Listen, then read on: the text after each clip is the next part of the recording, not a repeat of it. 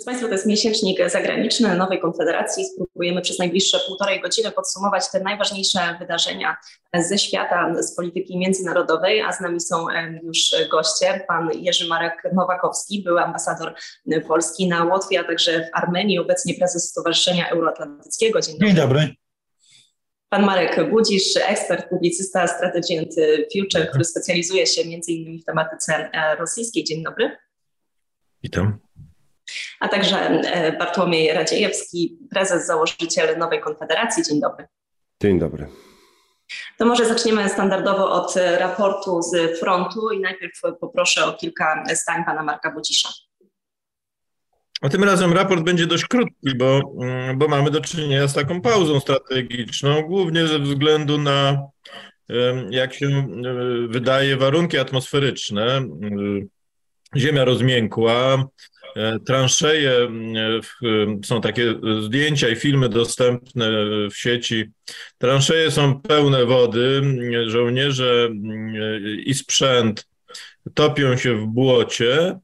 No, w związku z tym te działania są relatywnie mniej intensywne. Może poza wyjątkiem Bachmutu i Awdijewki, gdzie Rosjanie ciągle szturmują, ale posuwają się w bardzo bardzo nieznaczne, e, robią postępy, jeśli chodzi o zdobywany teren. E, mówi się nawet o kilkuset e, metrach, to są mniej więcej takie postępy i według szacunków zachodnich ekspertów raczej mało prawdopodobne jest, że osiągną oni tam jakieś przełamanie, czy że, czy, że, czy, czy, czy zdobędą istotne pozycje. Na innych teatrach działań wojennych mamy do czynienia z, re, z relatywnym uspokojeniem, co jest taką trochę ciszą, e, ciszą przed burzą, jak można przypuszczać, bo obie strony e, przygotowują się do, do ataku. W moim odczuciu e, to już zapowiadała rzeczniczka południowego frontu ukraińskiego. Tą stroną inicjatywną będzie tutaj Ukraina,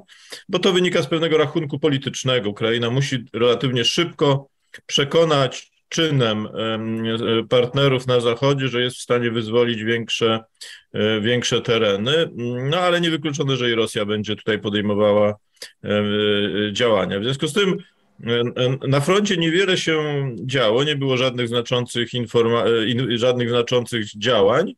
E, no oczywiście dużo działo się w obszarze politycznym i dużo działo się w związku z, z rosyjskimi zmasowanymi atakami rakietowymi na infrastrukturę krytyczną Ukrainy.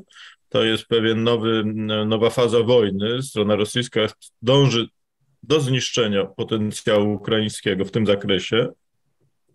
I na razie dość skutecznie, jak się wydaje, to, to robi. To pociąga też za sobą całą masę innych konsekwencji, ale o tym pewnie będziemy mówili w związku z tak zwanym incydentem w Przewodowie, E, w związku z tym nie chcę już jakby w ten, e, w ten obszar się, mm, się wgłębiać. Czyli na froncie niewiele, e, czekamy na rozwój wydarzeń. Wszyscy spodziewają się, że grudzień, styczeń to będą jakieś miesiące tutaj, które przyniosą nowe, nowe wydarzenia. Skoro już wspomnieliśmy o tych fragmentach rakiet, które spadły na polskie e, terytorium, to może mm, w tym kontekście takie pytanie o możliwości eskalacyjne Rosji. To może być i pytanie do pana Marka Bucisza, ale też jeżeli e, Bartłomiej albo pan ambasador chcieliby się odnieść, to, mm, to bardzo proszę. E, dziękuję bardzo. No ja tutaj z, oczywiście w pełni się zgadzam z tym, co Marek Budzisz mówił o sytuacji na froncie, natomiast co do możliwości eskalacyjnych, to niestety my się cały czas poruszamy w czymś, co można określić, czy jest, lubi być, lubią tego określenia używać specjaliści w mgle wojny. My bardzo niewiele tak naprawdę wiemy o tym, co się w rzeczywistości po obu stronach dzieje, natomiast e, możemy oceniać, że Rosjanie cały czas rozumują w kategoriach deeskalacji przez eskalację. Wobec tego ta eskalacja działań wojennych ze strony rosyjskiej może nastąpić. Może nastąpić w wielu miejscach i na wiele różnych sposobów, bo e, pojawiało się w e, amerykańskiej e, sferze eksperckiej przypuszczenie, że Rosjanie mogą użyć broni chemicznej na przykład, co jest mniejszą eskalacją niż użycie broni atomowej, ale jest przekroczeniem pewnej granicy eskalacyjnej. Może się okazać, że jakieś formy naruszania granicy krajów natowskich, raczej nie w postaci ostrzału, ale e, choćby w postaci e, sterowanego napływu uchodźców z, z okręgu kaliningradzkiego też się może pojawić, też takie informacje były, więc e, Rosjanie starają się na wszelkie sposoby utrzymać napięcie. Ja muszę powiedzieć, że dla mnie bardzo niedobrym sygnałem jest zerwanie procedury rozmów wokół układu START 2. E, układu, który cały czas obowiązuje i który przewidywał e, regularne inspekcje amerykańskie i rosyjskie e, w bazach atomowych. To, że Rosjanie bez podania powodów nagle tę procedurę inspekcji zrywają, może oznaczać, że coś się dzieje na tym zapleczu atomowym, ale oczywiście nie można wykluczyć również drugiej wersji, równie prawdopodobnej, że chodzi o to, żeby właśnie e, stopniować napięcie, bo to, co jest pewne, to jest eskalacja w dziedzinie napięcia, natomiast e, takiej wojny psychologicznej. Natomiast czy Rosja nie mając, jak się wydaje, w tej chwili nadmiernych rezerw, chciałaby wejść w jakiś dodatkowy konflikt już bezpośrednio z NATO, w to osobiście wątpię. Natomiast, e, natomiast jakie jest myślenie strony rosyjskiej, o tym trudno, o tym trudno wyrokować. Niewątpliwie Rosjanie muszą coś zrobić, bo e, ich zaplecze wojskowe, ale również zaplecze społeczne zaczyna się pomału chwiać. E, to przekonanie e, o niezwyciężoności armii rosyjskiej, przekonanie o tym, że operacja specjalna przebiega bardzo dobrze, e, szczególnie po utracie Hersonia, no, stanęło pod pewnym znakiem zapytania i Rosja musi wykonać jakieś działania, które by wskazały, że armia rosyjska wciąż jest zwycięska i wciąż jest zwycięska i wciąż jest tą drugą armią świata, a może nawet pierwszą, jak było w narracji rosyjskiej. Znakomicie pokazała to e, widowiskowa klapa e, spotkania Organizacji Układu o Bezpieczeństwie Zbiorowym w Erywaniu, gdzie no, w jakimś sensie Władimir Putin, który jest oczywistym liderem tej organizacji. W jakimś sensie Władimir Putin był tym zadżumionym, omijanym przez pozostałych e, uczestników, e, przez pozostałych uczestników szczytu, no, łącznie z tym gestem premiera Paszyniana, który się starał na jak największy, jak największy dystans odsunąć od, od Putina, to, to, to świadczy o tym, że e, Rosjanie mają poczucie, że otoczenie uważa ich za osłabionych i pojawia się pytanie, w jaki sposób y, na poziomie wojny psychologicznej z tego wyjść, więc jakieś formy eskalacji są możliwe, natomiast jakie mamy za mało informacji o narzędziach, których Rosjanie mogą w tej materii użyć.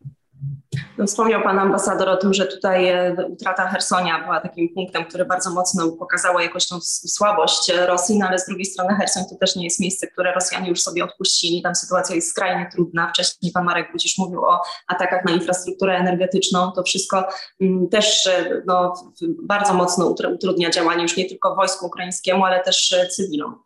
No tak, ale oni sobie Hersoń odpuścili, y, y, bo, czyli Hersonia sobie nie odpuścili, no bo musieli go sobie odpuścić. Zwracam uwagę, że Hersoń był w odróżnieniu od innych miejsc okupowanych kompletnie niezniszczony, czyli Rosjanie zakładali, że ten Hersoń jest y, istotną częścią ich już infrastruktury, i tego Chersonia świadomie nie niszczyli.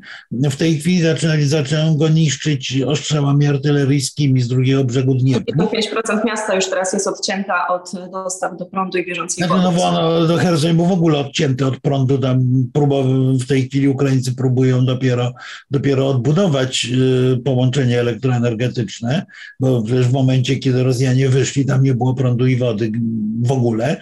Y, natomiast, y, natomiast to pokazuje w gruncie rzeczy rozpaczliwe działanie rosyjskie, że coś, co oni traktowali jako jedną z perełek w swojej koronie zdobyczy, y, której nie chcieli niszczyć i gdzie chcieli no, wyraźnie zrobić jeden z ośrodków ruskiego miru, w tej chwili niszczą i ostrzeliwują, bo widocznie uznali, że już tego nie odbiją. To jeszcze na moment wróćmy do fragmentów rakiet, które spadły na polskie terytorium i tutaj poproszę teraz pytanie do pana Bartłomieja Radziejewskiego. To jest też tak, że z jednej strony najpierw zadałam pytanie o możliwości eskalacji na Rosji, ale to też pokazało nam reakcję świata, redakcję paktu, reakcję Paktu Północnoatlantyckiego, a także Polski. E, jak Bartku ty e, to wszystko oceniasz? Jeśli można, to jeszcze dwie krótkie uwagi do wypowiedzi poprzedników, bo w końcu się nie zmieściłem ze swoim głosem w tej turze pierwszej. Jedna jest taka, że z tym Hersoniem, no to z jednej strony oczywista porażka rosyjska, ale z drugiej taka słabosilność rosyjska, tak? To znaczy to było kontrolowane wycofanie się, mające służyć, jak się wydaje, skróceniu i konsolidacji frontu. I to jest też jeden z elementów obok tych, o których mówił Marek Budzisz bardzo przenikliwie które stoją za dynamiką, czy raczej brakiem dynamiki obecnej sytuacji, prawda? To znaczy Rosjanie skrócili front, skonsolidują go po to, żeby jakikolwiek dalszy istotny postęp sił ukraińskich był poważnie utrudniony. No i druga uwaga z tą dewastacją infrastruktury energetycznej, no to przybiera już e, dramatyczne głęboko rozmiary, prawda? W zeszłym tygodniu gruchnęła wiadomość o odcięciu całej Ukrainy od prądu.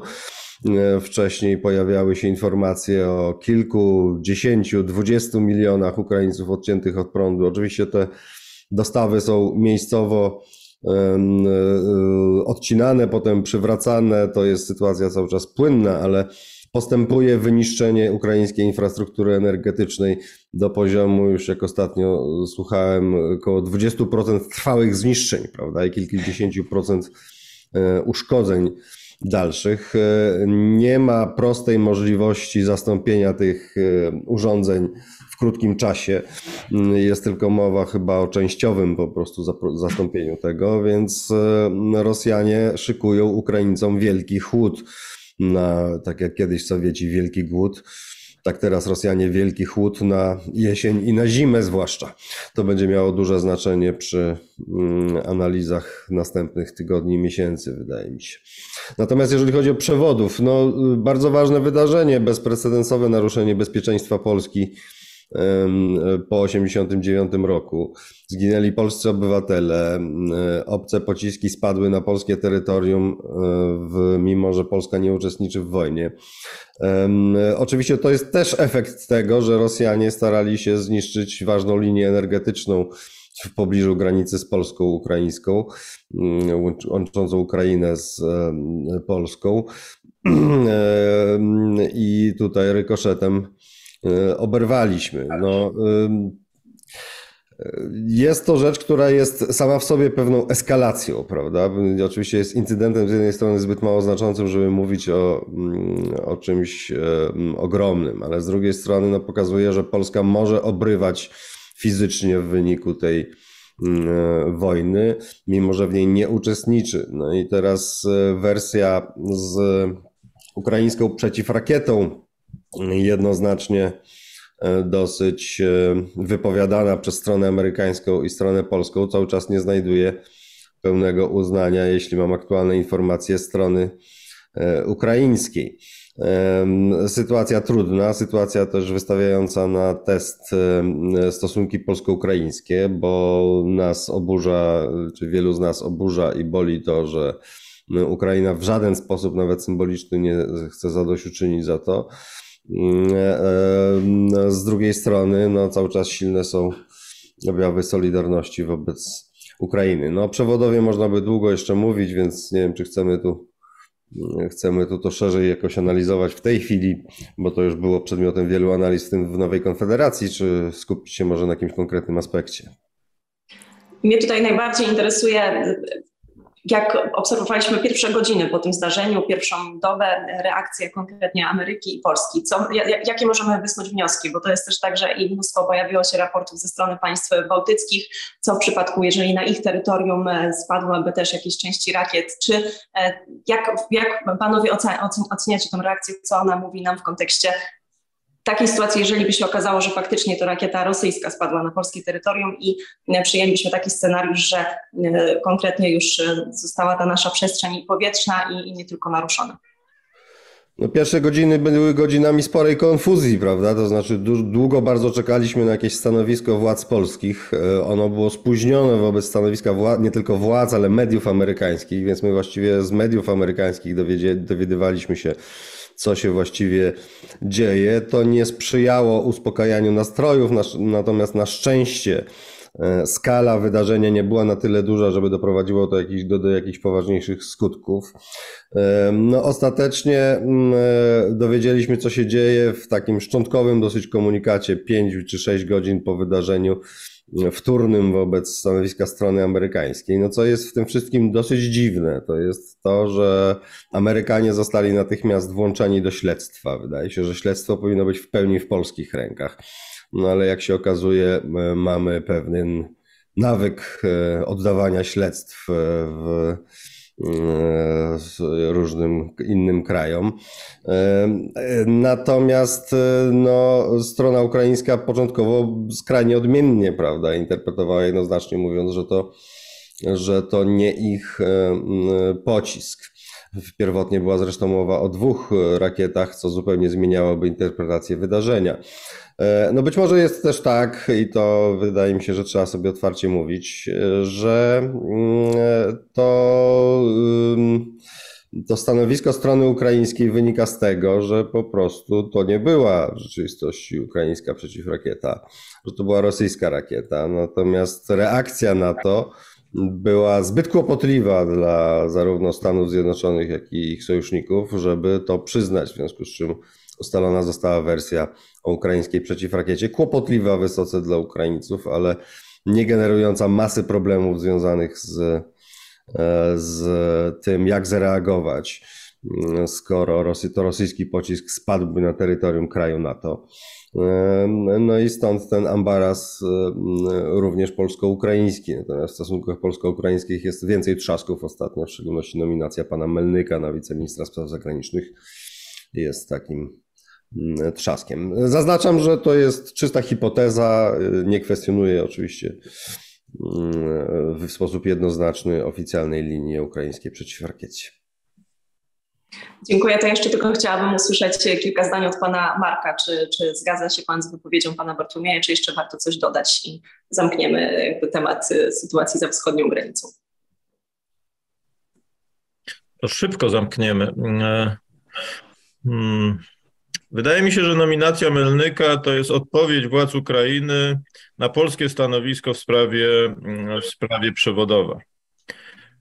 I na dezawuowanie, no takie przynajmniej są informacje z kręgów rządowych, które do mnie docierają.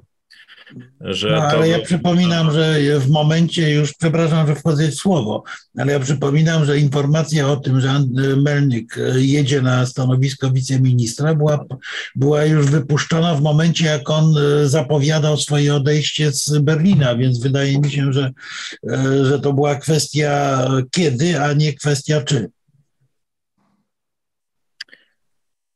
To, że jedzie, to było rzeczą jasną, ale było też kwestią otwartą, czy dojedzie.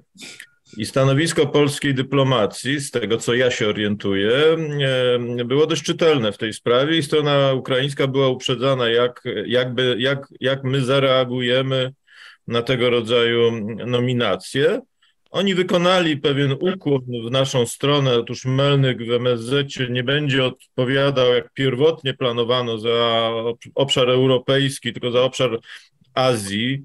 i Dalekiego Wschodu. W związku z tym nie będzie jego dość, powiedziałbym, niestandardowe zachowanie, jeśli jak na dyplomatę przystało, nie będzie tutaj wpływało na stan relacji z Polską, ale sam fakt nominacji przynajmniej w Polsce, w kręgach rządowych i w kręgach prezydenckich został odebrany jako no, jako taka manifestacja, e, nazwijmy to stanowczości, w reakcji na to, e, na, na, stanowisko polskie i też w reakcji na stanowisko amerykańskie, bo tu mieliśmy do czynienia nie tylko przecież z, z zadrażnieniem między Warszawą a Kijowem, ale z publiczną polemiką i to w takim tonie, bym powiedział, dość stanowczym między Joe Bidenem a, e, a z tym, że tym wypowiadającym się tu był Biden.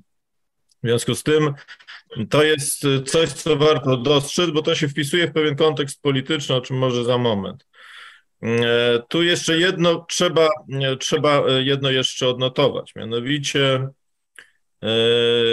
7 e, godzin od, od zaistnienia tego e, wydarzenia w przewodowie, bo ono miało miejsce około 15 a pierwszy komunikat miał miejsce 22 bodajże 20 i to komunikat niewiele mówiący, właściwie nic nie mówiący o tym, co się wydarzyło.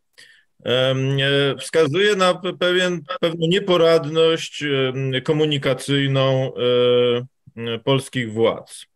Ale, no i to otwiera pewne pole do, do, do spekulacji, dlatego że mamy tu do czynienia ze znaczącą asymetrią reakcji polskich władz w tych godzinach zaraz po incydencie, a późniejszą interpretacją, która w sposób oczywisty zmierzała do rozładowania, rozładowania napięcia. No bo jeżeli, jeżeli e, mówimy o tym, że to była rakieta systemu S-300 ukraińskiego, Chociaż moim zdaniem e, nasze władze od samego początku wiedziały, e, jaka była trajektoria lotu i, i, i co mogło mieć, e, co mogło się wydarzyć.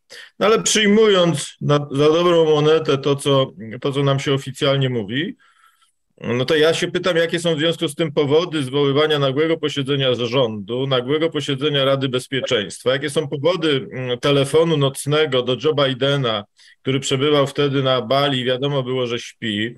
Jaki jest powód y, telefonu mm, ministra Błaszczaka do Lloyda Austina? Y, jaki jest powód wreszcie telefonu do sekretarza generalnego NATO?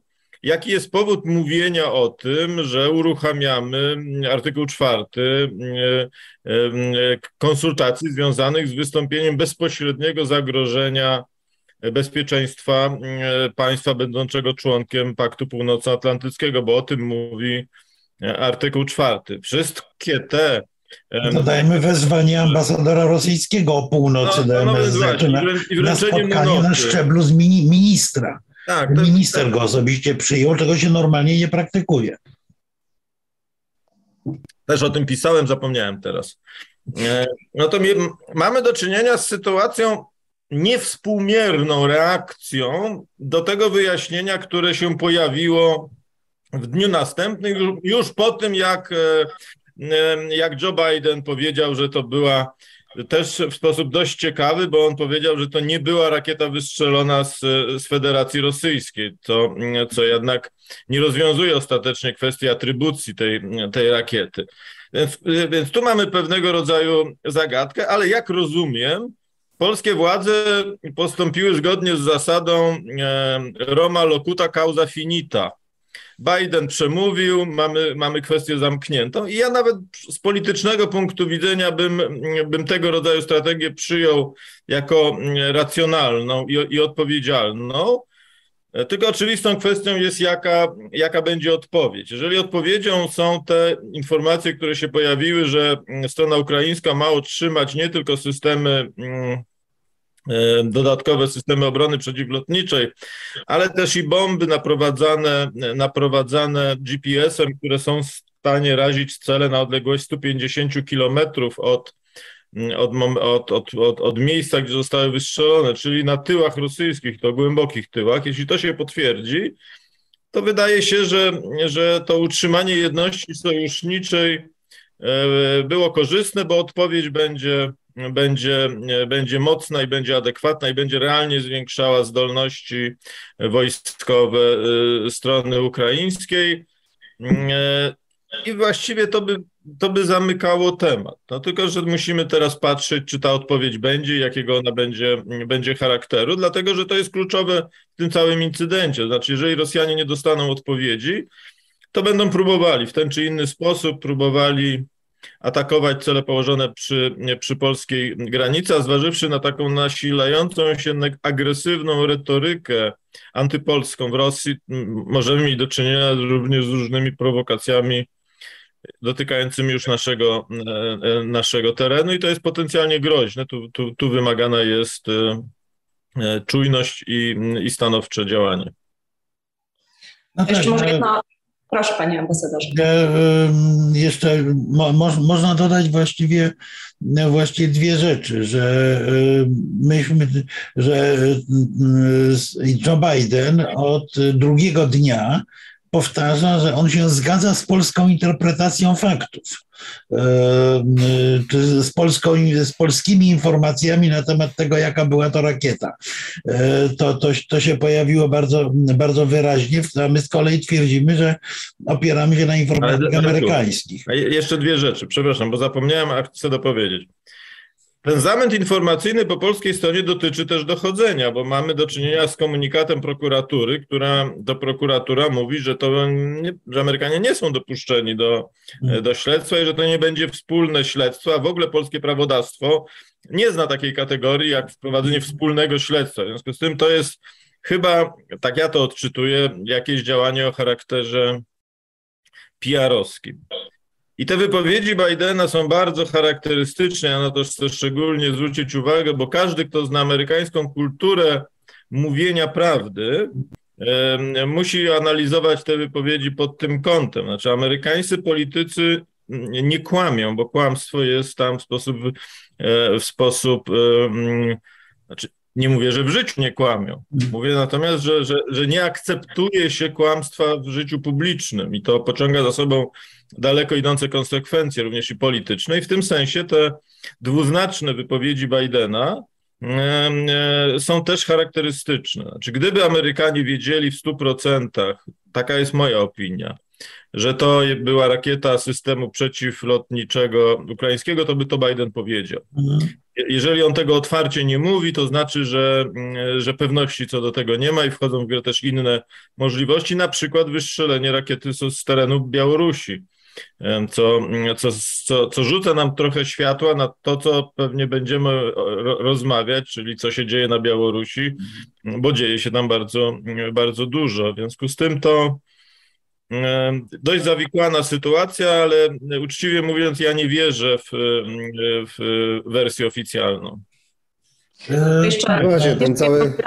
Tak, ja również, również mam spore wątpliwości i e, no, to jakby ten cały początek tego incydentu wyraźnie, wyraźnie na to wskazuje, przy czym no, trzeba mieć, znaczy moja osobista hipoteza, po, pozwolę sobie śladem e, pana, pana prezesa Radzieckiego e, trzy zdania powiedzieć, moja osobista hipoteza jest taka, że oczywiście nie było to intencjonalne naruszenie terytorium Polski przez Rosję, ani prawdopodobnie, e, biorąc pod uwagę relacje świadków, było tak, że e, strona ukraińska zestrzeliła rakietę rosyjską albo tuż przy polskim terytorium, albo wręcz nad naszym terytorium. Pamiętajmy, że to jest 6 kilometrów od granicy.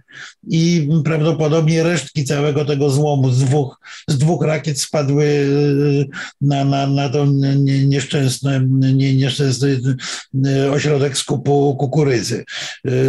Więc pewnie był to przypadek przypadek i, i, i chyba dlatego że było to, był, był to przypadkowy incydent. E, Amerykanie e, od początku właściwie mówili e, w kategoriach bardzo deeskalacyjnych, bo zwracam uwagę, że pierwszy komunikat amerykański wydany kilka godzin przed polskim był taki, że nie wiemy, co się stało, ale chyba nic ważnego. Więc tu, tu, tu, tutaj była duża rozbieżność, rozbieżność polskich i amerykańskich interpretacji, ale trzeba mieć świadomość, świadomość, że tego typu incydenty mogą się zdarzyć. w czasie wojny w Górscy, o Górski Karabach przecież chyba 6 czy 7 rakiet spadło na terytorium Iranu. Irańczycy nie robili z tego wielkiej sprawy, bo zdawali sobie sprawę, że spadły przypadkowo. Tak jak spadła przypadkowo rakieta, resztki rakiety właśnie strąconej spadły na Mołdawię.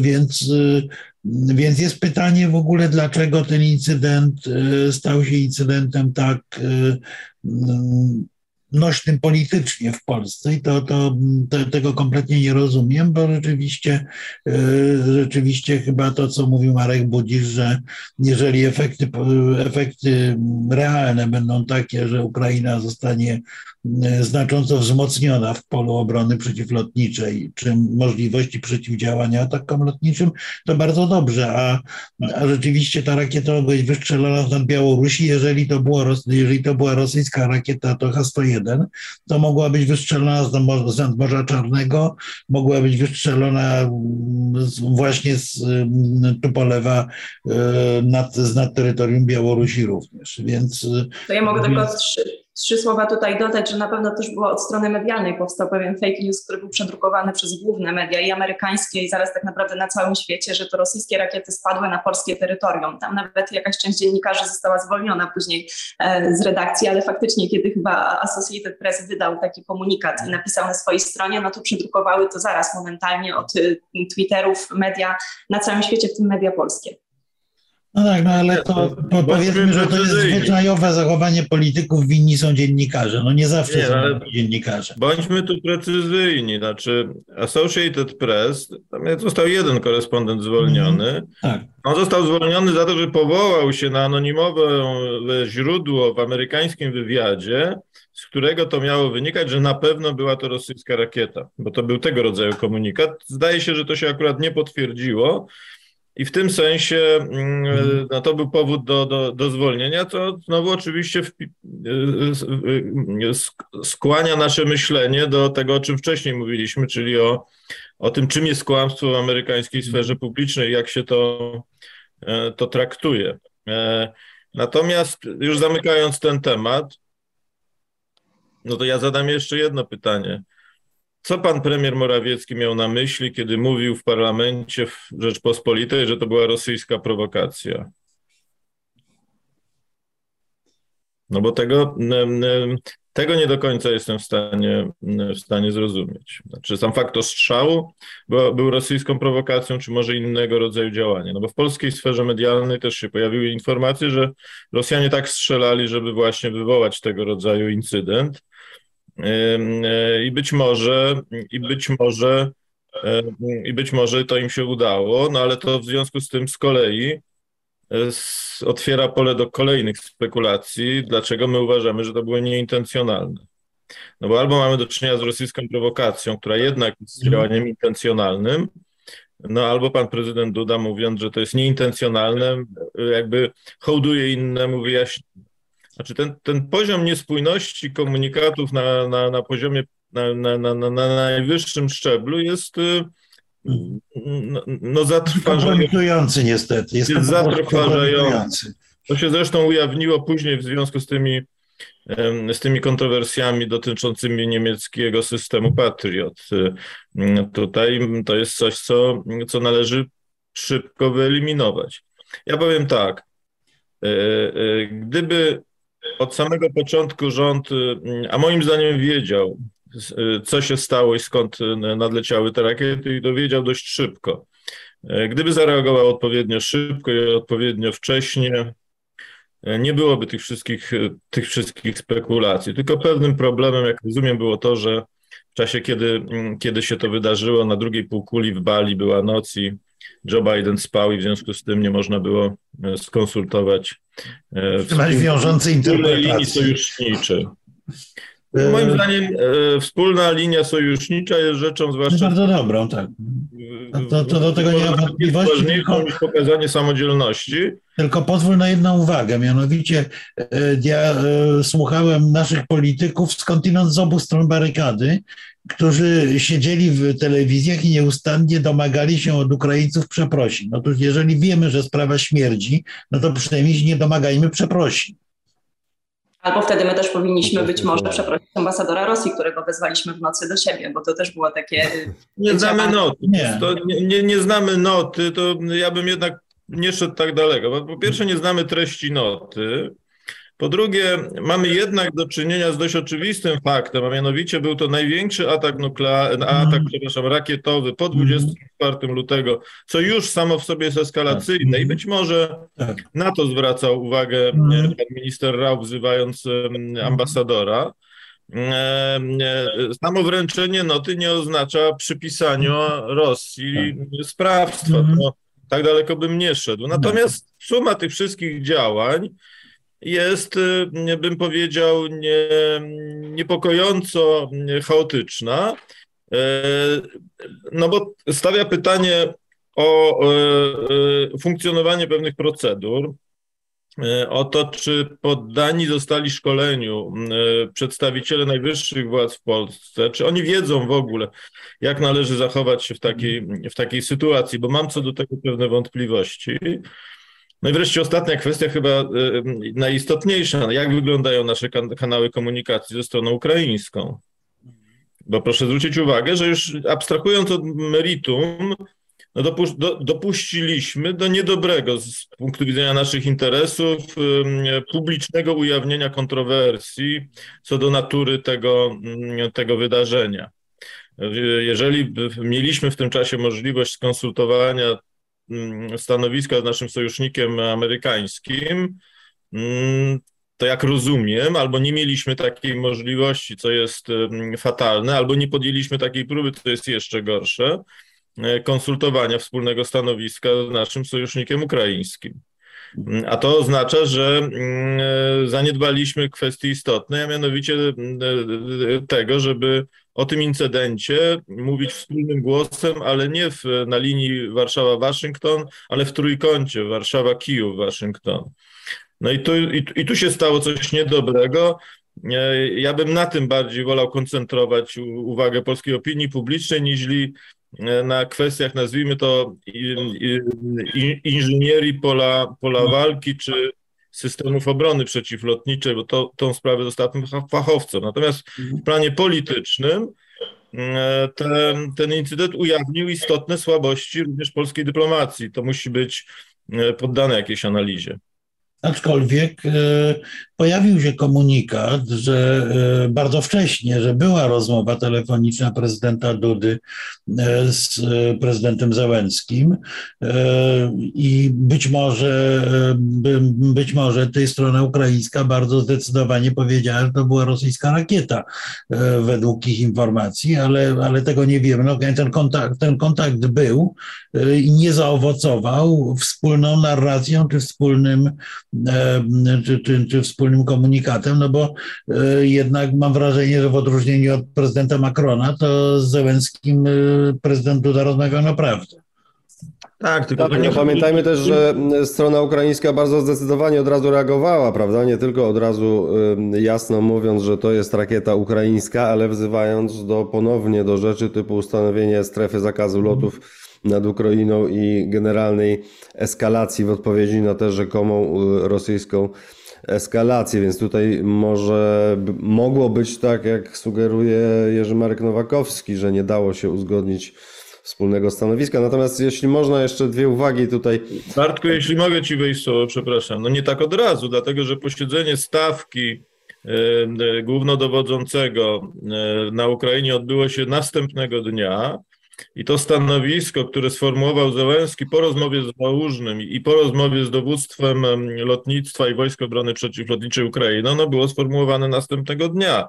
Czyli było kilkanaście godzin na konsultacje. I to konsultacje, to ja nie rozumiem tutaj, że tak powiem, dialog polegający na przedstawieniu własnych opinii tylko mając 40 kilometrów od miejsca zdarzenia radar e, systemu e, rozpoznania radiolokacyjnego e, Polski, który śledzi w czasie rzeczywistym trajektorię celów powietrznych, które się zbliżają do Polski i ma przystawkę, bo, bo to wiem, bo sprawdziłem, rozmawiałem z wojskowymi na ten temat, ma specjalną przystawkę, która umożliwia śledzenie rakiet skrzydlatych, które są relatywnie trudno trudno wykrywalne przez normalne systemy radarowe, no to to był wystarczający czas, żeby stronie ukraińskiej przedstawić twarde fakty i twarde dowody, a nie tylko opinie. W tym czasie mógł ktoś pojechać do Kijowa albo do Lwowa, czy gdziekolwiek, do Tarnopola i porozmawiać.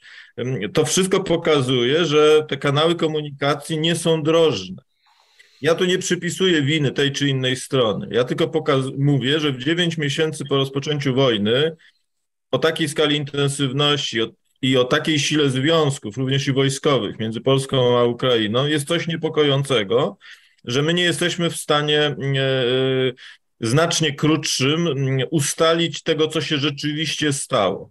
I wtedy mamy, rzeczywi- i wtedy mamy do czynienia z dwoma e, przeciwstawnymi opiniami.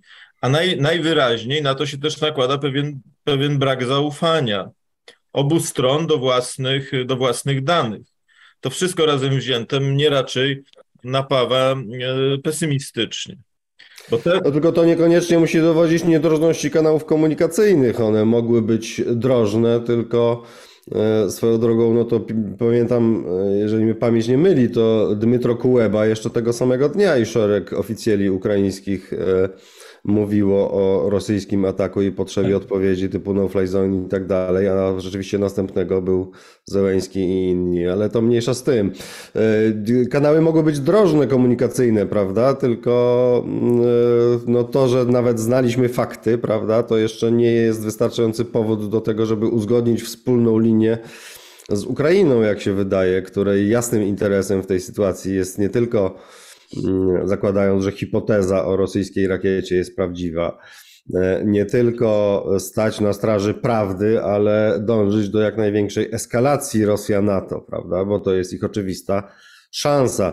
No w tej sytuacji przyjęcie przez Ukrainę linii mm, zaordynowanej, jak się wydaje, przez Waszyngton, że nie eskalujemy, nie, w związku z tym w ogóle nie podajemy do publicznej wiadomości tej prawdziwej wersji mm, przebiegu wypadków, no jest dla Ukrainy trudnym, twardym orzechem do zgryzienia, prawda? Ale e, no tutaj to wszystko, co panowie przytaczaliście, te nocne telefony na wysokim, najwyższym szczeblu Rada Bezpieczeństwa Narodowego, wezwanie rosyjskiego ambasadora, no zdają się przemawiać na rzecz tej hipotezy. Ale zastanówmy się jeszcze chwilę może nad poziomem strategicznym tego, prawda? Czego by to dowodziło? No bo mm, e, e, Marek Budzisz poddał precyzyjnej analizie status kłamstwa w amerykańskim kłamstwa i prawdy w amerykańskim życiu publicznym i słusznie. E, natomiast jeżeli to była rosyjska rakieta, to pytanie, dlaczego e, Amerykanie nie byli skłonni tego przyznać, jednocześnie uznając to za incydent na tyle nieistotny, za rodzaj przypadku, prawda, że nie potrzeba w związku z tym nadmiernie reagować. Mm, wydaje się, że e, to pokazuje albo pewien rodzaj konfuzji, jeżeli ta hipoteza, podkreślam, jest prawidłowa znaczy jeżeli jest prawdziwa, bo prawidłowa na prawie hipotezy oczywiście jest. Albo pewien rodzaj konfuzji i e, nie braku gotowego schematu reakcji w takich sytuacjach, prawda? Albo takie zjawisko, że z jednej strony uznajemy tego rodzaju incydent za rzecz bardzo poważną, prawda? Mimo tego, że jest przypadkowy, tak jak przypadkowe ostrzały terytorium Szwajcarii neutralnej podczas II wojny światowej, z których nikt nie robił kazus belli, prawda? E, no ale jednak nie, e, właśnie z tego powodu nie podajemy tego do publicznej wiadomości po to, żeby nie eskalować. No i wtedy też e, pojawia się pytanie, co w wypadku powtarzania się tego typu incydentów, a zwłaszcza powtarzania się na większą skalę, prawda? Czy my możemy mm, czuć się komfortowo w sytuacji, w której linią amerykańską wydaje się być, żeby w takich sytuacjach albo nie ujawniać prawdy, albo twardo trzymać się linii, tych czerwonych linii co dotychczas. E, no ja myślę, że jeżeli można jedno zdanie komentarza, e, ja myślę, że właśnie e, strona amerykańska uznała, że nie jest to incydent na tyle poważny, że nie jest to incydent z intencją uderzenia w terytorium Polski, że lepiej go wyciszyć, bo przypominam, że narracja amerykańska jest absolutnie konsekwentna. Ani centymetra nie pozostawimy, ani centymetra kwadratowego terytorium NATO bez obrony. Wobec Wobec tego, gdyby było, gdyby przyje, gdyby publiczną informacją było, że rosyjska rakieta naruszyła terytorium NATO, no to by oznaczało, że Stany Zjednoczone muszą bardzo zdecydowanie zareagować, a Amerykanie, jak myślę, nie byli na taką reakcję gotowi w sensie politycznym i, i zapewne dlatego, dlatego wyciszyli tę, tę, tę kwestię. No, Dziękuję ja za, za tutaj... jeszcze. Tak, proszę. Ja bym tu wprowadził właśnie ten kontekst polityczny, bo, bo, bo on jest niezwykle ważny. A mianowicie wydaje się, że po pierwsze e, my mówimy e, o trójkącie Polska, Stany Zjednoczone, Ukraina, a Amerykanie działają w znacznie szerszym i my również w znacznie szerszym układzie sojuszniczym, a w związku z tym tych tutaj zmiennych jest więcej. Po drugie, jest raczej niebudzącym wątpliwości faktem, że narasta, narasta pewna presja międzynarodowa na stronę ukraińską, ażeby ta zaczęła myśleć o, o jakichś warunkach e, rozmów pokojowych, bo narasta takie przekonanie, że kontynuowanie wojny do niczego nie prowadzi, tylko do zwiększenia skali strat, zniszczeń i ofiar, e, ofiar śmiertelnych. O tym zresztą dość otwarcie pisze się w ukraińskiej prasie i dość otwarcie mówią E, politycy już z bezpośredniego e, otoczenia Załęskiego. Jeden z tych polityków powiedział ukraińskiej prawdzie, że już nawet przestali liczyć, z których państw dostają propozycje mediacji między Rosją a właśnie Ukrainą. I też w ukraińskiej prasie pojawiły się, wydaje mi się, dość wiarygodne relacje, że przed szczytem na Bali a po wizycie Jake'a Sullivana w, w, w Kijowie, a w międzyczasie jeszcze mieliśmy do czynienia, e, przypomnę, e, z rozmowami Burnsa w Istambule z Naryszkinem i potem Burns przyleciał też do Kijowa. E, mieliśmy do czynienia z tym, co się w prasie ukraińskiej opisuje jako najbardziej zaawansowany, w sensie dopracowany plan pokojowy który był analizowany przed, przed szczytem G, G20. Ten plan pokojowy w najogólniejszych zarysach miał oznaczać, że Rosjanie wycofują się z zajętych terytoriów, łącznie z Donbasem, e, a kwestia Krymu jest e, jakby zawieszona. Mam na myśli tutaj status publiczno-prawny Półwyspu na najbliższe 7 lat. Podobnie jak kwestia członkostwa Ukrainy w NATO jest zawieszona na najbliższe 7 lat. Tak przynajmniej to opisuje ukraińska mm, prasa i tego rodzaju propozycje e, były e, na szczeblu głów państw, bo już o takich szczeblach mówimy, jakby przedkładane e, liczących się partnerów europejskich. Tak to jeszcze było opisywane w Ukraińskiej Prawdzie, bo ona taki raport na ten temat opublikowała właśnie przed tym szczytem na Bali. I ta odpowiedź Putina mm, w postaci tego ataku rakietowego mm, o bezprecedensowej skali, no jest też w pewnym sensie odpowiedzią na to, że Zełenski odrzucił mm, plan pokojowy, przedstawiając swoje 10 punktów, występując przed liderami, przed liderami na Bali. To się raczej, wydaje mi się, jedno z drugim wiąże. I teraz mamy kwestię eskalacyjności lub nieeskalacyjności. Amerykanie sami w sobie nie rezygnują z tego, z tej strategii nieeskalowania konfliktu i, i nie angażowania się bezpośredniego, a powolnego przesuwania, powolnego przesuwania mm, te, tej granicy wsparcia dla, dla Ukrainy ale nie można tego samego powiedzieć o partnerach europejskich, w tym członkach e, Paktu Północnoatlantyckiego. Mnie się wydaje, że tutaj pewien rozziew e, e, jest coraz większy. Zobaczymy, jak, jak przebiegnie szczyt NATO w, Bukareszcie, który się, który się właśnie rozpoczyna, bo tam się mogą ujawnić pewne, pewne różnice, ale już coraz więcej stolic europejskich zaczyna mówić właśnie o konieczności pokojowych y, rozmów.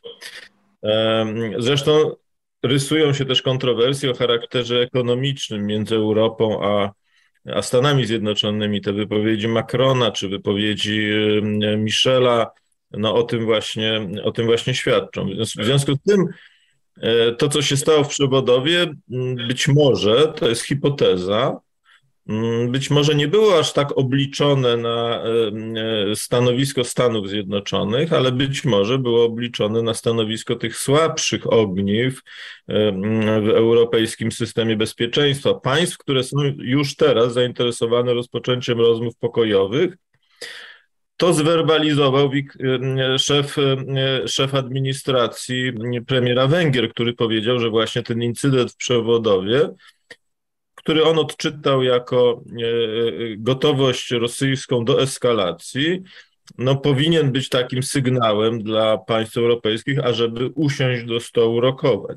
Może tu o tego rodzaju działanie rosyjskie chodziło, nie wymierzone bezpośrednio w Stany Zjednoczone, ale raczej wymierzone w, w sojuszników europejskich Stanów Zjednoczonych, bo chodzi być może to jest dalsza część tej hipotezy, o zbudowanie takiego dylematu strategicznego, który muszą rozstrzygnąć w Waszyngtonie, a mianowicie czy kontynuować wsparcie dla Ukrainy, ryzykując pogłębienie podziałów w świecie atlantyckim, czy raczej postawić na zmniejszenie podziałów w świecie, czy różnic zdań, bo podziały to może zbyt daleko idące, różnic zdań w świecie atlantyckim za cenę zmniejszenia Y, dostaw dla Ukrainy. A zmniejszenie dostaw dla Ukrainy, no to jest w gruncie rzeczy formuła pokojowa, o której mówiłem, bo to 7 lat e, pauzy strategicznej no jest w gruncie rzeczy e, formułą jakiegoś zamrożonego mm, konfliktu, no bo, bo do tego to się sprowadza.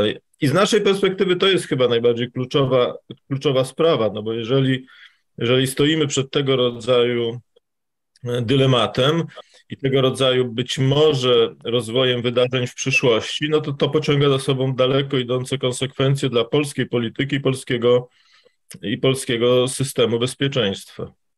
No dodajmy, dodajmy do tego, że y, pojawiają się w tej chwili z dziwną częstotliwością publiczne komunikaty o rzeczy, która zasadniczo była oczywista i o tym zresztą mówiliśmy na, między innymi na naszym chyba poprzednim spotkaniu, że y, pojawiają się publiczne komunikaty o militarnej słabości Zachodu. No, e, ten raport o tym, że y, amunicji w Niemczech wystarczy na godziny, już nawet nie na dni walki, y, informacja o, o tym, że przemysł amerykański nie jest w stanie też uzupełnić braków w sprzęcie i amunicji przekazywanych Ukrainie, to jakby się mieści w tej logice e, narracyjnej, o której mówił Marek Budzisz przed chwilą. Ja te, też obawiam się, że Ukraina będzie naciskana, aby E, aby wejść w, jakiś, w jakąś procedurę pokojową, przy czym ja nie wierzę, żeby Rosjanie zgodzili się na plan pokojowy tak sformułowany,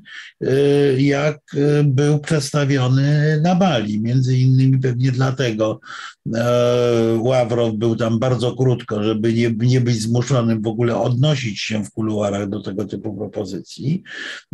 I nie sądzę, żeby dla władz rosyjskich tego tego typu plan pokojowy był akceptowalny, bo to by oznaczało de facto e, przyznanie się do porażki, a chyba NATO w obecnej sytuacji politycznej Putina i całej jego ekipy, czyli tego, jak Rosjanie mawiają, kolektywnego Putina po prostu nie stać, bo to może być detonatorem e, bardzo głębokiej zmiany wewnątrz rosyjskiej elity. Ja nie mówię o oczywiście o jakichś protestach, bo, bo tych protestów w dużej skali pewnie nie będzie, ale, ale może być sygnałem dla dużej części rosyjskich elit, że ci przywódcy są po prostu nieefektywni, przegrali wojnę. W systemie autorytarnym nie można sobie pozwolić na przegranie wojny. Dziękuję za odpowiedź. Ja teraz już zaproponuję, żebyśmy przeszli do kolejnego tematu, bo to w końcu też podsumowanie wydarzeń z całego świata. Tutaj jeszcze do Ukrainy będziemy e, oczywiście powracać. Szczyt G20 i tutaj na moment poproszę o odpowiedź pana e, Bartłomieja Radziejewskiego. Rozmowy e, Xi Jinpinga z Joe Bidenem, a też to, co obecnie mm, dzieje się w Chinach, czyli dosyć duże protesty, które chyba były mm, zaskoczeniem. Okej, okay, tylko jeśli można, jeszcze na chwilę chciałbym wrócić do tego poprzedniego wątku, w tym sensie dosłownie na chwilę. w tym sensie, że wydaje mi się war, war, warte spuentowania to, że skoro mamy sytuację, w której mm, są, prawda? To nie to, że dyskutujemy o tym, czy będą, tylko są naciski nieustanne z krajów zachodnich na Ukrainę, żeby weszła w jakiś rodzaj porozumienia rozejmowego lub pokojowego. Z drugiej strony nic nie wskazuje na to, żeby e, Putin był gotowy zaakceptować tego rodzaju plan, plan pokojowy z e, siedmioletnią pauzą strategiczną, prawda, na tym etapie. A ale z trzeciej strony wiemy przecież po wszystkich wypowiedziach publicznych prezydenta Zełęńskiego i nie tylko, że e, presja na niego ze strony ukraińskiej opinii publicznej jest tak duża, że również nie ma raczej mowy o akceptacji przez Ukrainę tego typu propozycji pokojowych, no to, to oznacza sytuację, swojego rodzaju patową e, w sensie politycznym, prawda, i, i nie do rozwikłania, tak? To znaczy ta wojna musi się jeszcze potoczyć, wynika z tego, i musi jeszcze upłynąć wiele krwi i nastąpić wiele zniszczeń, żeby którakolwiek ze stron była gotowa zbliżyć się do takiego punktu, o jakim tu mówimy. Natomiast jeżeli chodzi o e, Chiny, to i G20, E, rozmowa z Bidena z Xi była bardzo interesująca, ponieważ była w kontekście, znaczy interesujące było to, że te dosyć banalne formuły o czerwonych liniach i dążeniu do pokoju i nieeskalacji e, były w kontekście bardzo poważnej eskalacji z inicjatywy amerykańskiej chwilę wcześniej w obszarze półprzewodników, prawda? To znaczy najnowsze amerykańskie regulacje dotyczące E, chipów e, są bardzo potencjalnie poważnym uderzeniem w chińską gospodarkę, a rykoszetem też zresztą w gospodarkę światową, w tym amerykańską. E, pytanie oczywiście na ile, i to jest niejasne, na ile restrykcyjnie to będzie przestrzegane i na ile, jak to będzie interpretowane, jaka będzie praktyka tego, bo pozostając na pewnym poziomie ogólności, to nie musi mieć fundamentalnego znaczenia, ale wydaje się, że sam fakt, jest na tyle znaczącą eskalacją, że można by oczekiwać jakiejś dosyć stanowczej odpowiedzi chińskiej. Tymczasem tej odpowiedzi chińskiej właściwie cały czas nie ma. Xi Jinping po, mm, jeżeli mam aktualne informacje, e, Xi Jinping e, chwilę po bezprecedensowej konsolidacji władzy, prawda? To jest nowe cesarstwo a nawet e, super cesarstwo, jak niektórzy mówią, że żaden cesarz z dawnych czasów nie miał takiej władzy, jak dzisiaj ma Xi Jinping, ze względów technicznych choćby.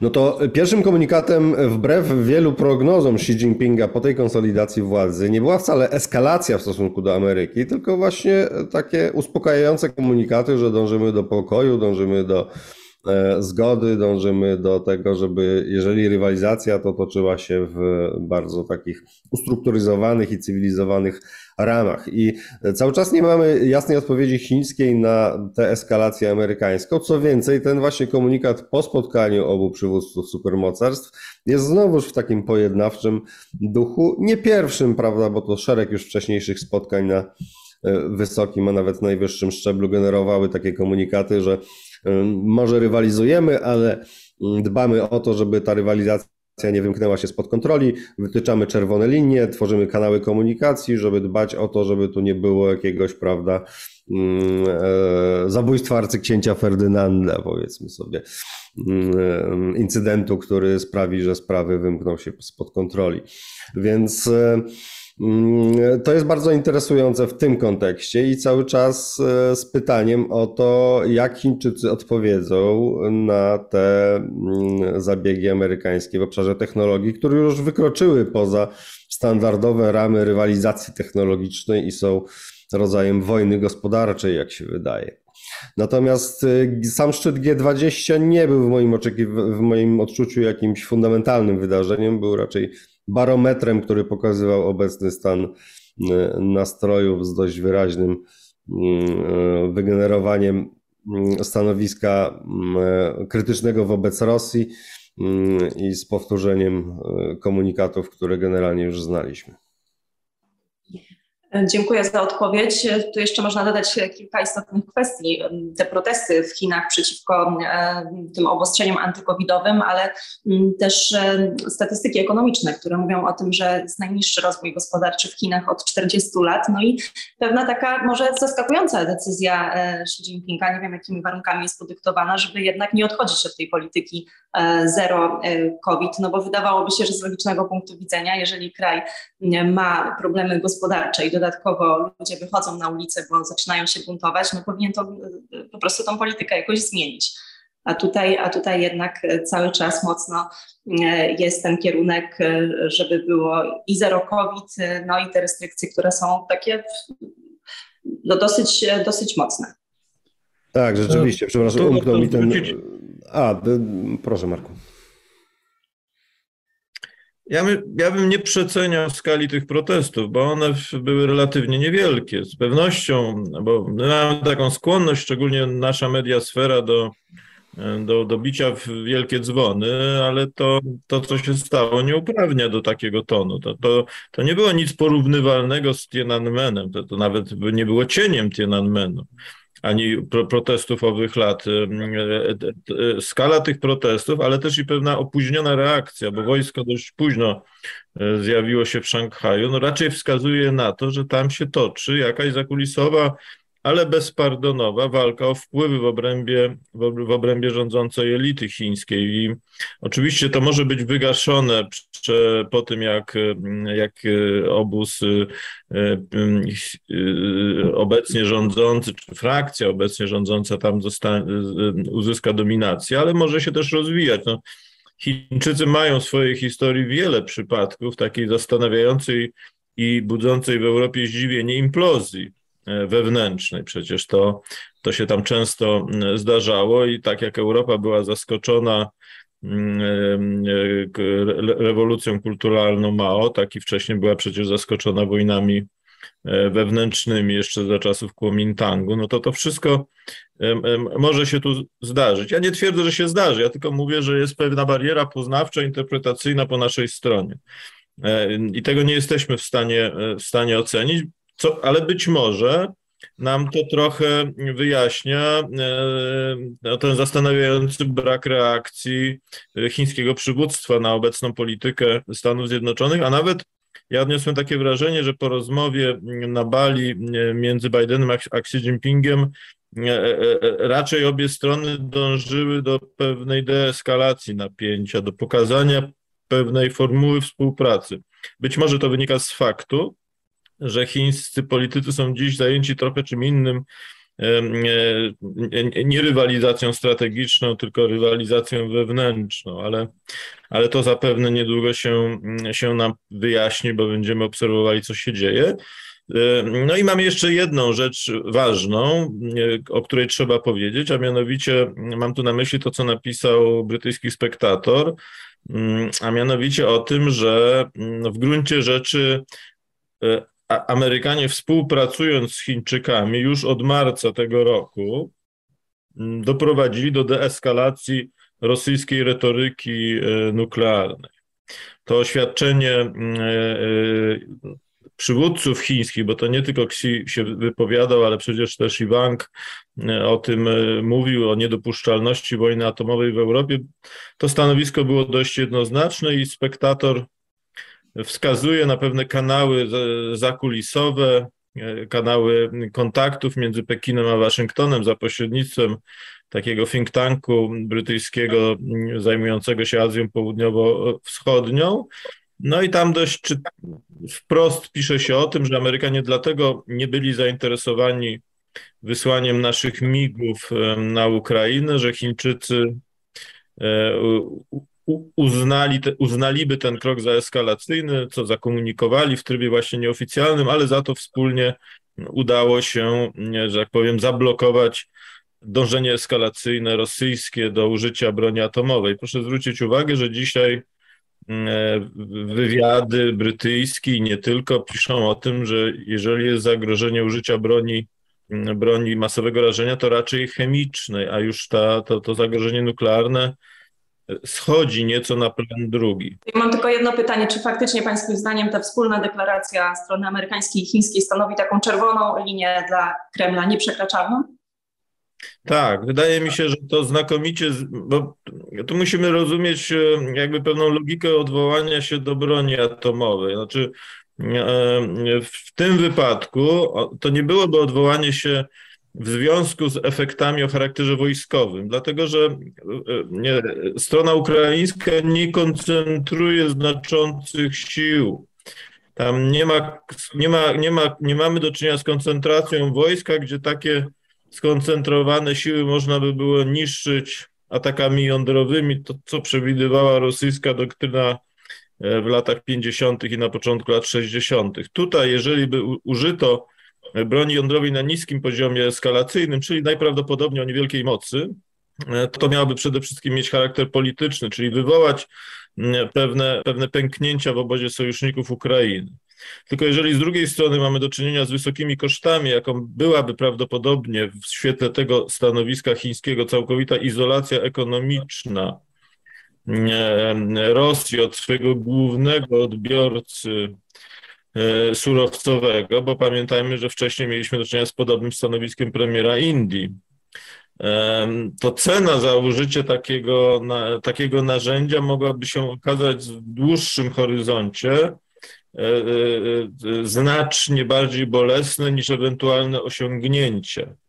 Nawet jeśli by się udało zakończyć w wyniku ataku jądrowego wojny na Ukrainie jakimś, jakimś nazwijmy to tymczasowym pokojem, to proszę zwrócić uwagę na wypowiedź sekretarz skarbu amerykańskiego, pani Jeleń, która powiedziała, że, że, że zdaniem Waszyngtonu główne sankcje przeciwko Rosji należy utrzymać również po zakończeniu wojny. A w związku z tym, gdybyśmy mieli do czynienia ze scenariuszem jądrowym i reakcją Chin i Indii e, w tym, e, w tym duchu, bo to nie chodzi o, o, o tożsame reakcje, tylko podobne, no to Rosja mogłaby być w sposób trwały izolowana również w tym wymiarze ekonomicznym, nie tylko, nie tylko politycznym, a to byłby scenariusz katastrofalny dla, dla Federacji Rosyjskiej, to byłaby tylko kwestia czasu. Więc ten koszt polityczny odwołania się do tej, do tej broni byłby zbyt duży i on moim zdaniem nie uzasadnia ewentualnego, ewentualnych, znaczy zyski z tego tytułu wątpliwe nie uzasadniają poniesienia tego ryzyka. To póki co w tej fazie konfliktu, ja uważam, zamyka temat. Nie zamyka tematu incydentów, nie zamyka tematu wypadków, nie zamyka tematu jakichś takich zdarzeń, co do których są mm, problemy z atrybucją, czyli przypisaniem sprawstwa. Natomiast otwarty atak nuklearny poprzedzony sygnalizacją strategiczną ja bym e, obecnie wykluczył.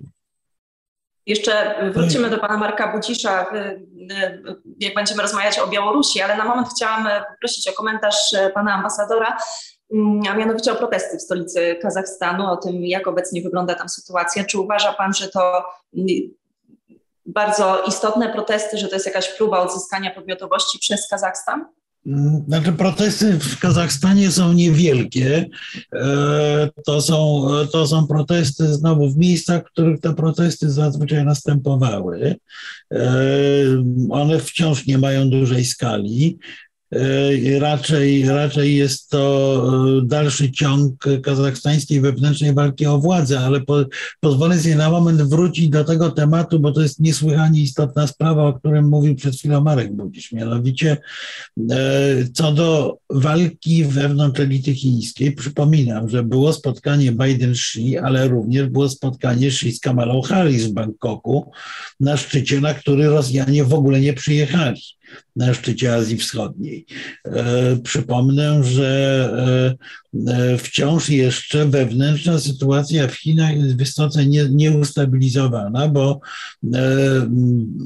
w tonie nieco innym i zdecydowanie bardziej koncyliacyjnym wobec Stanów Zjednoczonych i w odniesieniu do konfliktu ukraińskiego wypowiadał się premier Li Keqiang, który został mówiąc językiem potocznym, wycięty ze wszystkich partyjnych funkcji, ale pozostaje wciąż premierem i był cały czas postrzegany jako y, wyraźna opozycja wobec y, y, Xi.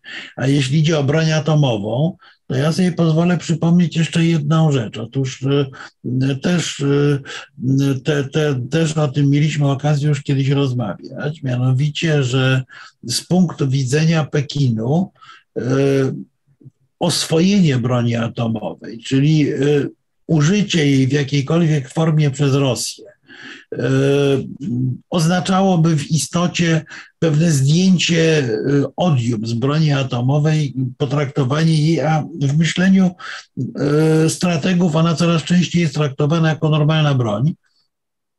Oznaczałoby, że Chińczycy mogą się na bardzo długo pożegnać z jakimkolwiek pomysłem inwazji na Tajwan, bo oswojenie broni atomowej, czyli uznanie jej za normalny środek walki oznaczałoby, że przy olbrzymiej przewadze amerykańskiej w dziedzinie tej broni nad Chinami, y, Chiny y, ryzykują użycie broni atomowej przez Stany Zjednoczone w razie ich inwazji na Tajwan, co właściwie y, w perspektywie przynajmniej dekady taką opcję z polityki chińskiej wyklucza, a Chińczycy woleliby, żeby ta opcja leżała na stole.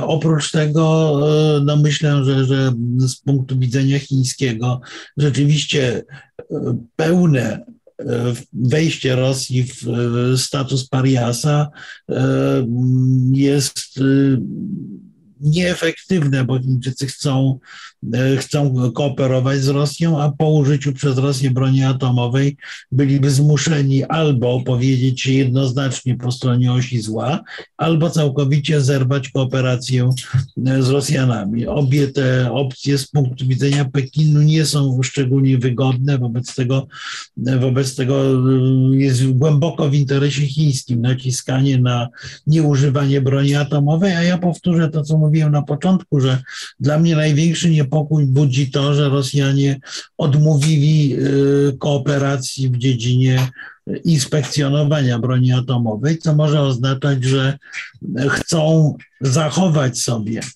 e, możliwość jej straszenia nią e, na, na przyszłość. I ostatnia uwaga, nie zgadzam się z Markiem Budziszem, że użycie broni atomowej przez Rosjan by spowodowało podziały wśród sojuszników. Myślę, że dokładnie odwrotnie. To byłby najlepszy sposób na konsolidację świata zachodniego wokół Stanów Zjednoczonych, no bo w tym momencie w tym momencie właściwie e, jedynym sposobem ochrony przed rosyjskim zagrożeniem jest trzymanie się bardzo ściśle Waszyngtonu. A wracając do Kazachstanu, e, pre, prezydent e, Tokajew odnowił swój mandat ale odnowił go z pewnymi zastrzeżeniami. Zwracam uwagę na bardzo słaby wynik Tokajewa e, w głównym mieście Kazachstanu, którym są Almaty, a nie, a nie Astana, e, gdzie e, była niska frekwencja, gdzie otrzymał najmniej głosów,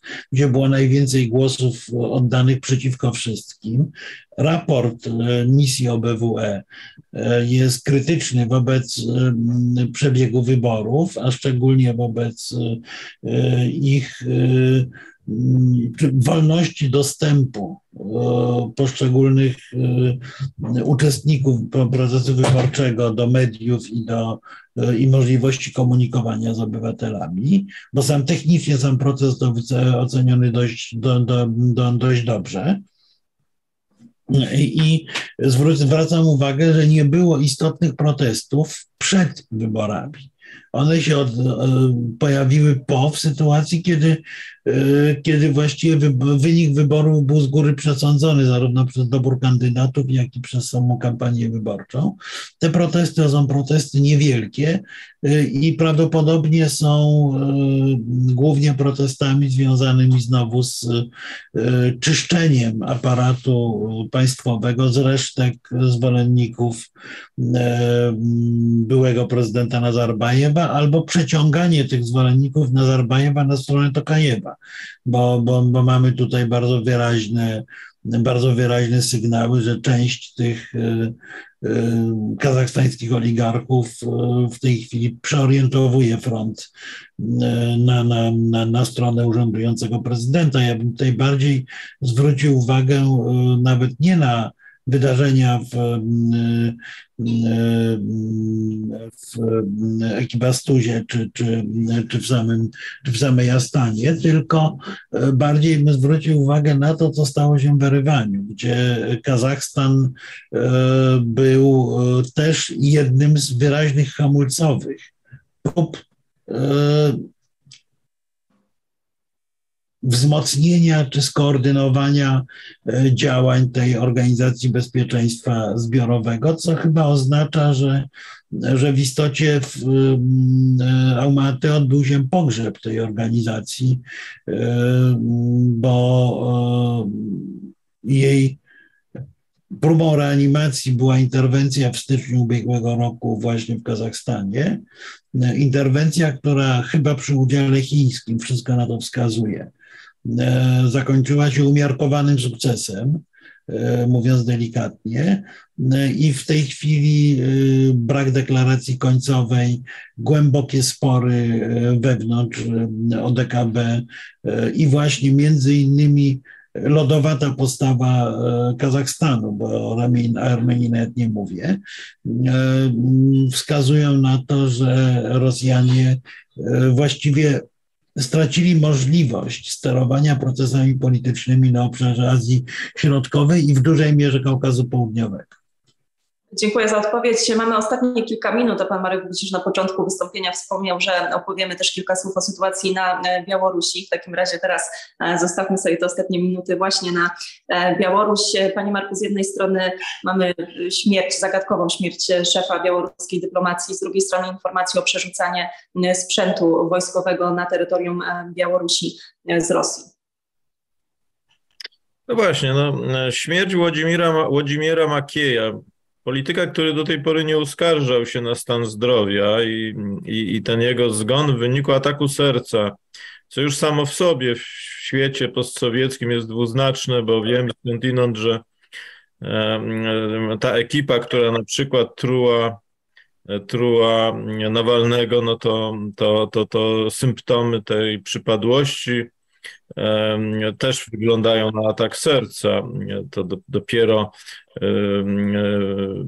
no fakt, że jego bieliznę, o tak to trzeba powiedzieć, Nawalnego, dość szybko lekarze i jego współpracownicy przechwycili i przemycili na zachód, pomógł udowodnić, że to była próba otrucia, a nie, a nie zgon z powodów naturalnych. No ale w przypadku Makieja nie wiemy. Wiemy to, że zdrowy 64-letni polityk E, przeniósł się na łona Abrahama w sytuacji dość dwuznacznej, dlatego że e, po pierwsze on dzień wcześniej spotkał się z Joziciem, e, kardynałem chorwackim, który jest nuncjuszem apostolskim i wykonywał jakąś misję ze strony Waszyngtonu, przepraszam, ze strony Watykanu, no ale również to, ta, ta jego śmierć miała miejsce niemalże w przeddzień podróży do Łodzi, gdzie odbywa się, czy będzie się odbywał zjazd ministrów OBWE, na, który to, na które to spotkanie nie został zaproszony, zaproszony Ławrow. E, Rosjanie generalnie bardzo niechętnie do tej pory patrzyli na, na wszelkiego rodzaju samodzielność dyplomatyczną strony białoruskiej, a Makiej był takim e, zwolennikiem to za dużo powiedziane, no ale takim użytecznym narzędziem Łukaszenki, który otwierał mu różne kanały komunikacji, przede wszystkim ze światem Zachodu. On zresztą dość manifestacyjnie jeszcze przed 2020 rokiem e, się zachowywał, to znaczy mówił po białorusku, występował w strojach ludowych białoruskich, e, występował na tle pogoni, przekształcił swój resort w, taki, no w takie w gruncie rzeczy zgrupowanie, no jak na, jak na warunki Białorusi, dość liberalnie nastrojonych e, dyplomatów. W efekcie potem po 20 roku spora część tych ludzi odeszła i przeszła na, na stronę opozycji.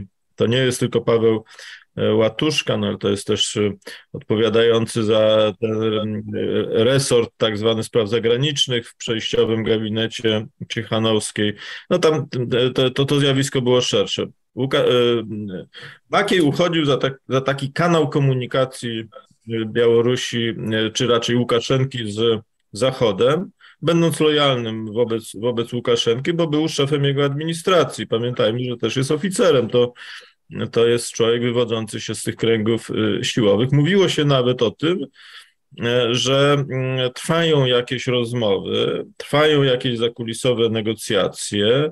Mm, zresztą Makiej już podejmował takie próby w maju tego roku wysyłając do Brukseli list z propozycją no, poszukiwania jakiegoś modus, modus vivendi.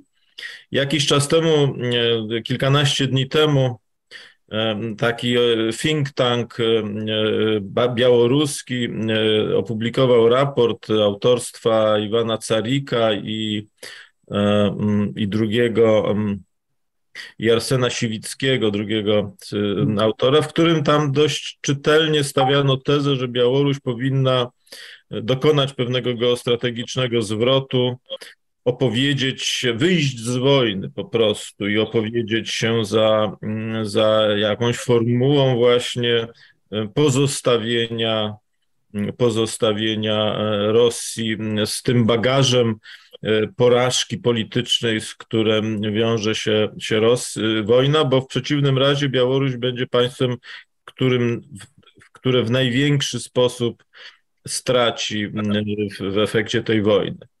Ten raport e, nie doprowadził dla, do żadnego przełomu, ale w białoruskiej rzeczywistości politycznej tego rodzaju dokumenty no, nie powstają, dlatego że, że, że działają tam niezależne think tanki to z, to z pewnością tak nie było i ten think tank Siwickiego e, uchodzi za ta, uchodził i nadal uchodzi za taki jeden z kanałów komunikacji właśnie. Taką wersję, wersję eksportową. Tak, właśnie MSZ-u, właśnie MSZ-u białoruskiego z, z, z Zachodem. No i w tym, w takim momencie e, i też pewnej rosnącej presji ze strony mm, ze strony Rosji i w takiej sytuacji wojennej, o której, o której, o której mówimy, no, Maki y, umiera w dość niewyjaśnionych i zagadkowych okolicznościach. W związku z tym to wszystko budzi, budzi pytania.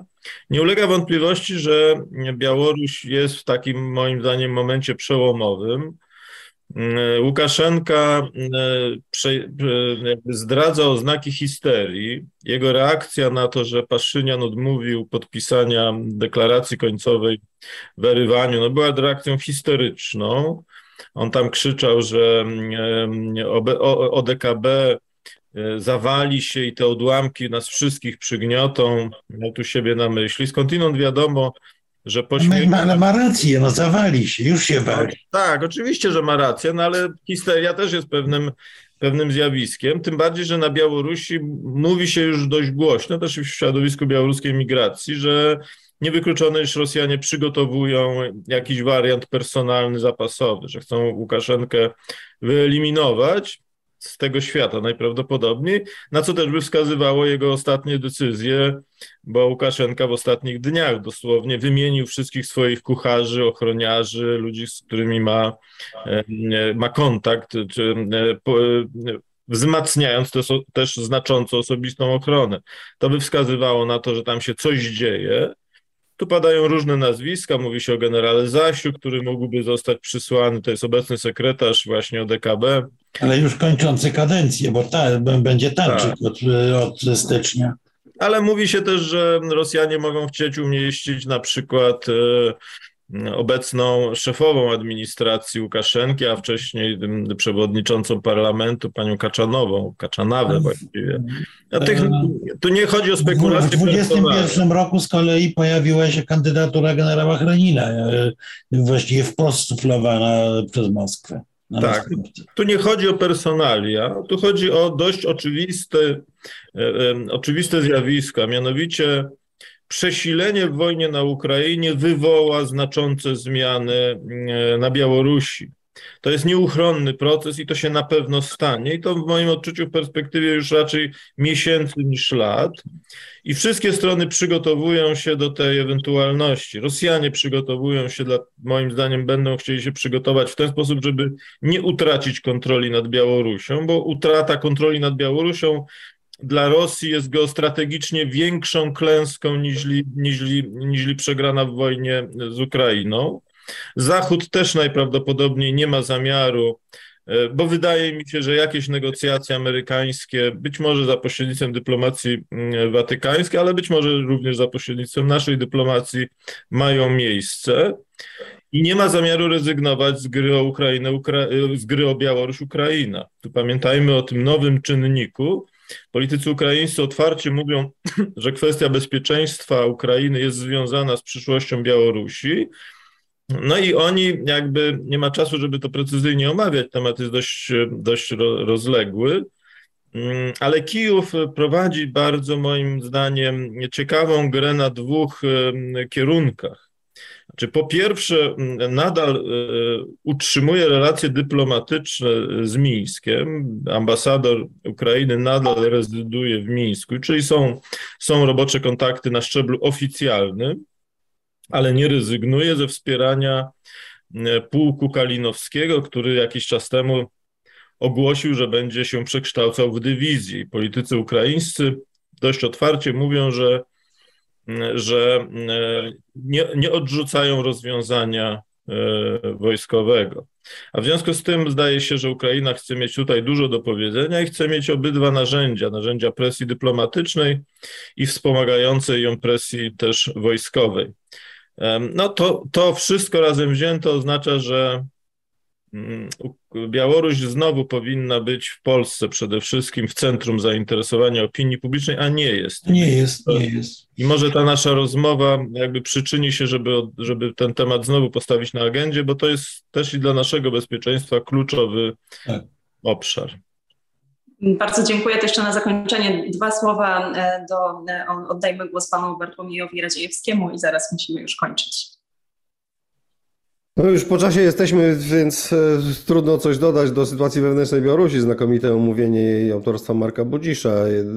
Wydaje mi się też, że końcowa wypowiedź jest bardzo dobrą puentą. No, dodam od siebie tylko tyle, że Białoruś jest absolutnie geostrategicznie kluczowa dla Polski. Ostatnie przesilenie przegraliśmy w sposób tam, które było jednocześnie wewnętrznym i geostrategicznym. Przegraliśmy w sposób mm, zupełnie zasadniczy i koncertowy wręcz i powinniśmy robić wszystko, żeby nie dopuścić do powtórek z tej sytuacji w przyszłości. No, jakakolwiek szczelina E, pojawiająca się e, i dająca możliwość projekcji jakichś polskich wpływów, czy w ogóle zachodnich wpływów tam, powinna zostać wykorzystana z myślą o tym, że kiedyś rosyjski e, ucisk na Białorusi osłabnie i będzie szansa na stopniowe odbudowywanie tam polskiej pozycji, a polska racja stanu na Białorusi to nie jest liberalna demokracja i prawa człowieka przede wszystkim, tylko to jest minimalizacja wpływów rosyjskich i maksymalizacja wpływów polskich na tym kluczowym geostrategicznie obszarze dla Polski. Ja, ja nawet, za, nawet zaryzykuję to już zupełnie na koniec taką tezę, że gospodarcza liberalizacja na Białorusi, gdyby ją chciał ktoś realizować, umocni wpływy rosyjskie, a nie osłabi. Dlatego, że białoruska gospodarka jest tak skonstruowana, że wywoła to dramatyczny kryzys o charakterze społecznym, porównywalny do tego, e, który my przeżywaliśmy po 1989 roku, e, tylko że w odróżnieniu od nas, e, bo my wtedy mieliśmy do czynienia z osłabioną Rosją, która nie była w stanie tego wyzyskać, dzisiejsza Rosja tego rodzaju kryzys na Białorusi wyzyska z pewnością dla swoich celów. A w związku z tym myślenie o tym, że E, wolnorynkowy liberalizm jest rozwiązaniem dla Białorusi, wydaje mi się pomysłem na umocnienie wpływów rosyjskich, a nie na ich e, osłabienie. Tu trzeba szukać innych narzędzi. No tutaj jest, jest, jest pewien projekt Unii Europejskiej, no to jest w ogóle na, na, na zupełnie inną rozmowę. Bardzo serdecznie dziękuję. Jerzy Marek Nowakowski, prezes Stowarzyszenia Euroatlantyckiego, także były ambasador Rzeczypospolitej na Łotwie i w Armenii. Dziękuję. Dziękuję. Dziękuję bardzo. Bartłomiej Radziejewski, prezes Nowej Konfederacji. Dziękuję. Dziękuję. I pan Marek Budzisz, publicysta, pisarz, ekspert Strategy and Future. Dziękuję za rozmowę. Dziękuję bardzo.